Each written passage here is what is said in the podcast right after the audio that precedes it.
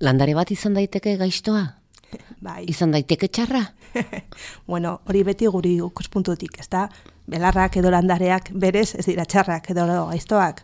Definizio hori guztiz antropozentrikoa da. Orduan ez dira desiragarriak gure beharrerako eta azten dira guk ez nahi ditugun lekuetan edo momentuetan gure laboreak oztopatzen dituzte.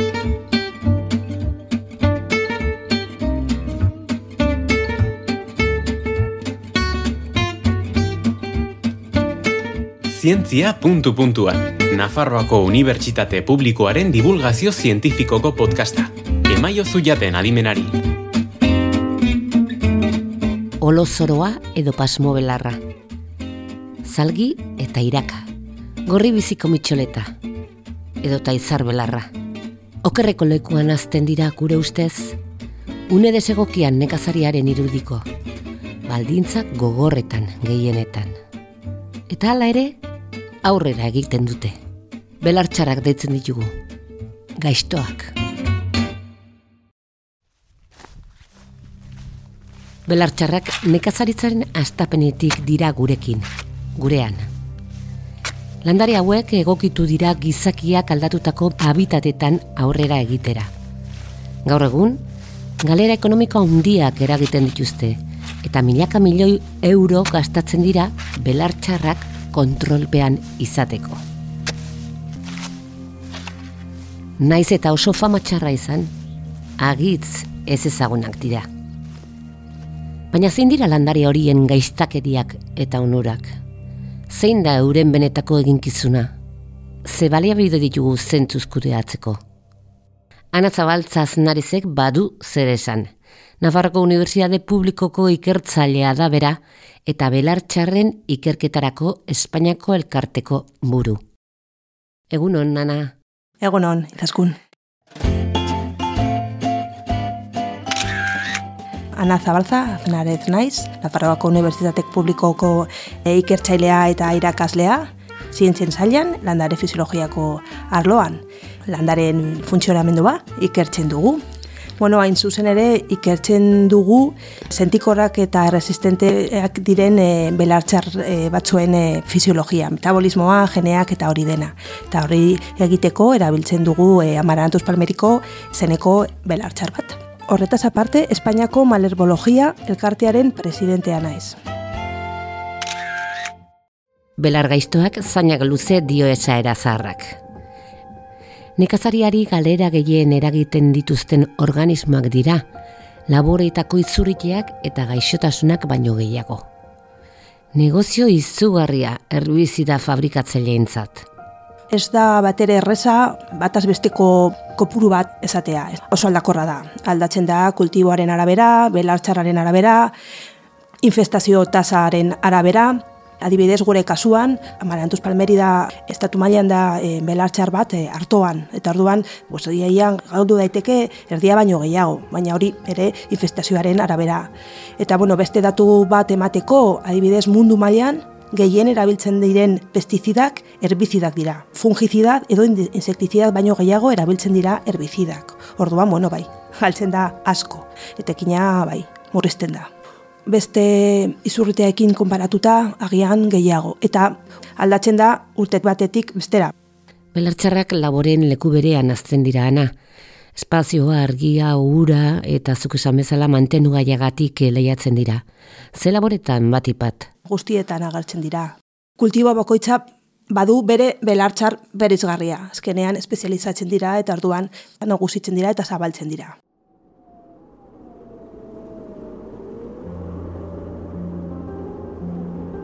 Zeinen politak ikusten ditugun mitxoletak kulunka labore soroetan.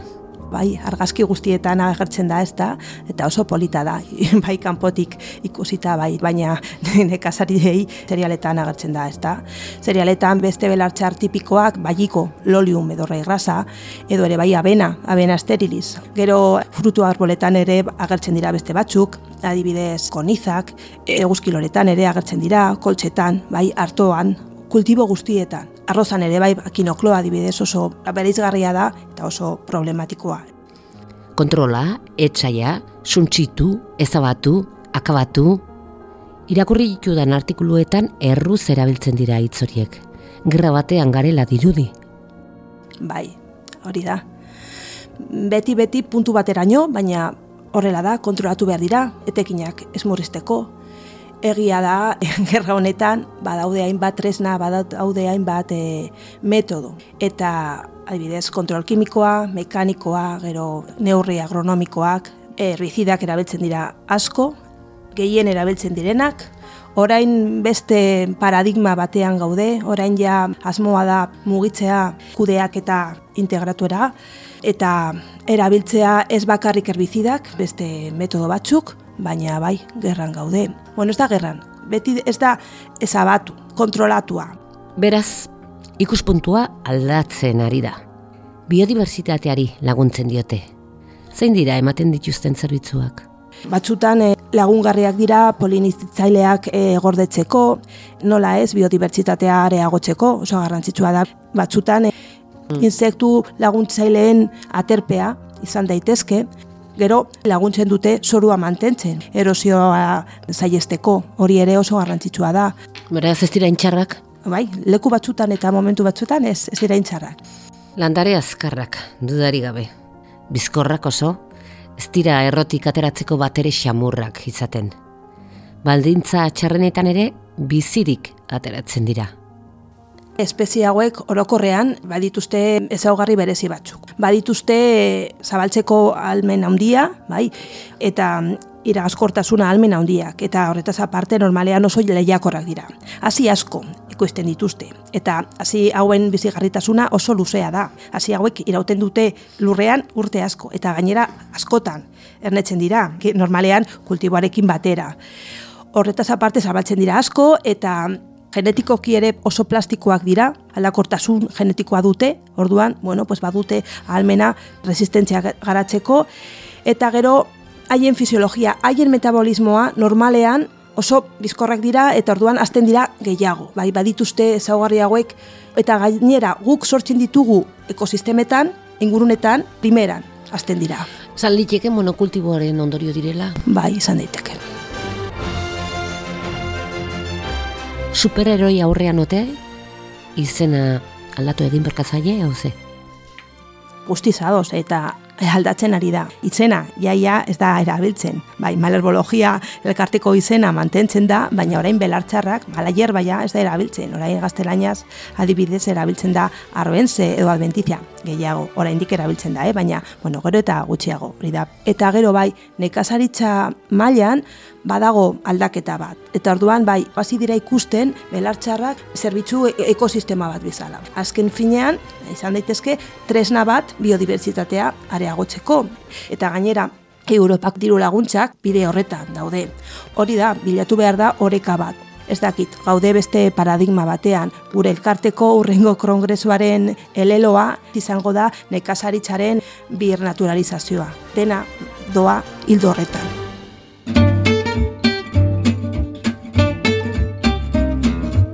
Begiak zabalduko, zientzia hurbilduko eta adituak ekarriko dizkizugu. Zientzia puntu puntuan, zuri gustatzen zaizun moduan.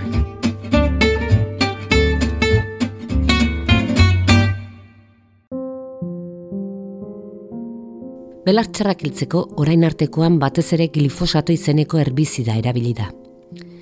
Laborantza intensiboan erabiltzen da, baita hirietako belardietan eta errepideetako espondetan ere. Historian gehien saldu den herbizida dugu. Herbizida ez espezifikoa. Hau da, ialandari guztiak hiltzen ditu.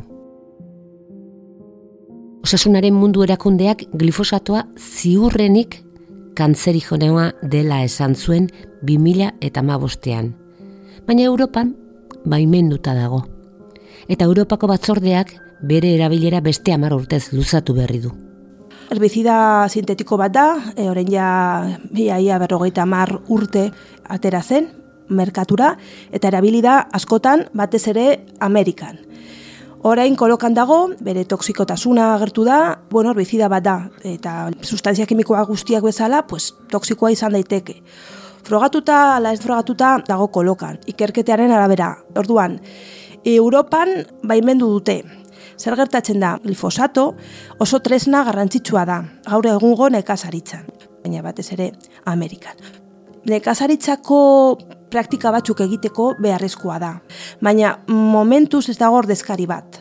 Orduan, ekologisten ikuspuntutik oso txarra da, baina nekazarien ikuspuntutik ez da intxarra.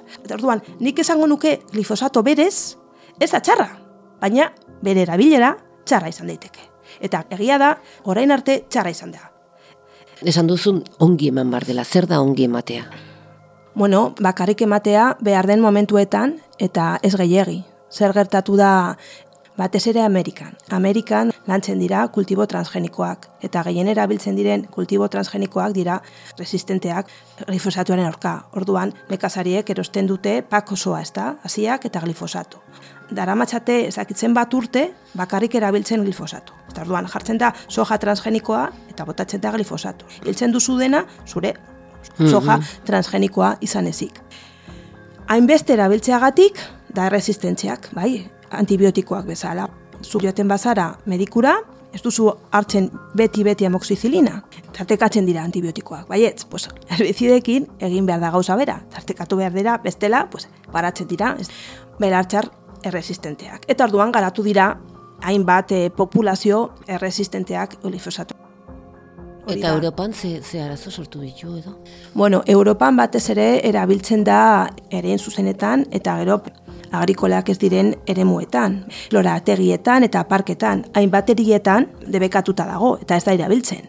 Eta bueno, egia da, pues batzutan agian posible da ez erabiltzea. Eta bakarrik erabiltzea eh, leku batzuetan, baina adibidez frutu arboletan behar duzu agian glifosato erabiltzea, pues kentzeko lehorretan agertzen diren landareak. Kontua da, herbizida gehiegi eta modu desegokian erabiltzearen ondorioz, belartzaren populazio batzuk erresistenteak bilakatu direla. Eta hori, gero eta arazo handiagoa izan da azken hogeita mar urteotan mundu osoko nekazarientzat. Orain mundu mailan badaude bosteun kasu baino gehiago. Bosteun populazio baino gehiago. Glifosentari resistenteak diren populazioak. Ez dira espeziak, eh? dira populazioak. Espezie osotara dira berrogeita mairu edrolako zerbait, oker ez banago.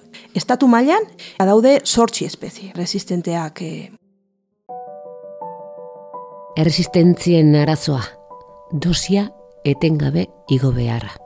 Eta horrexegatik aldatzen ari dira gauzak.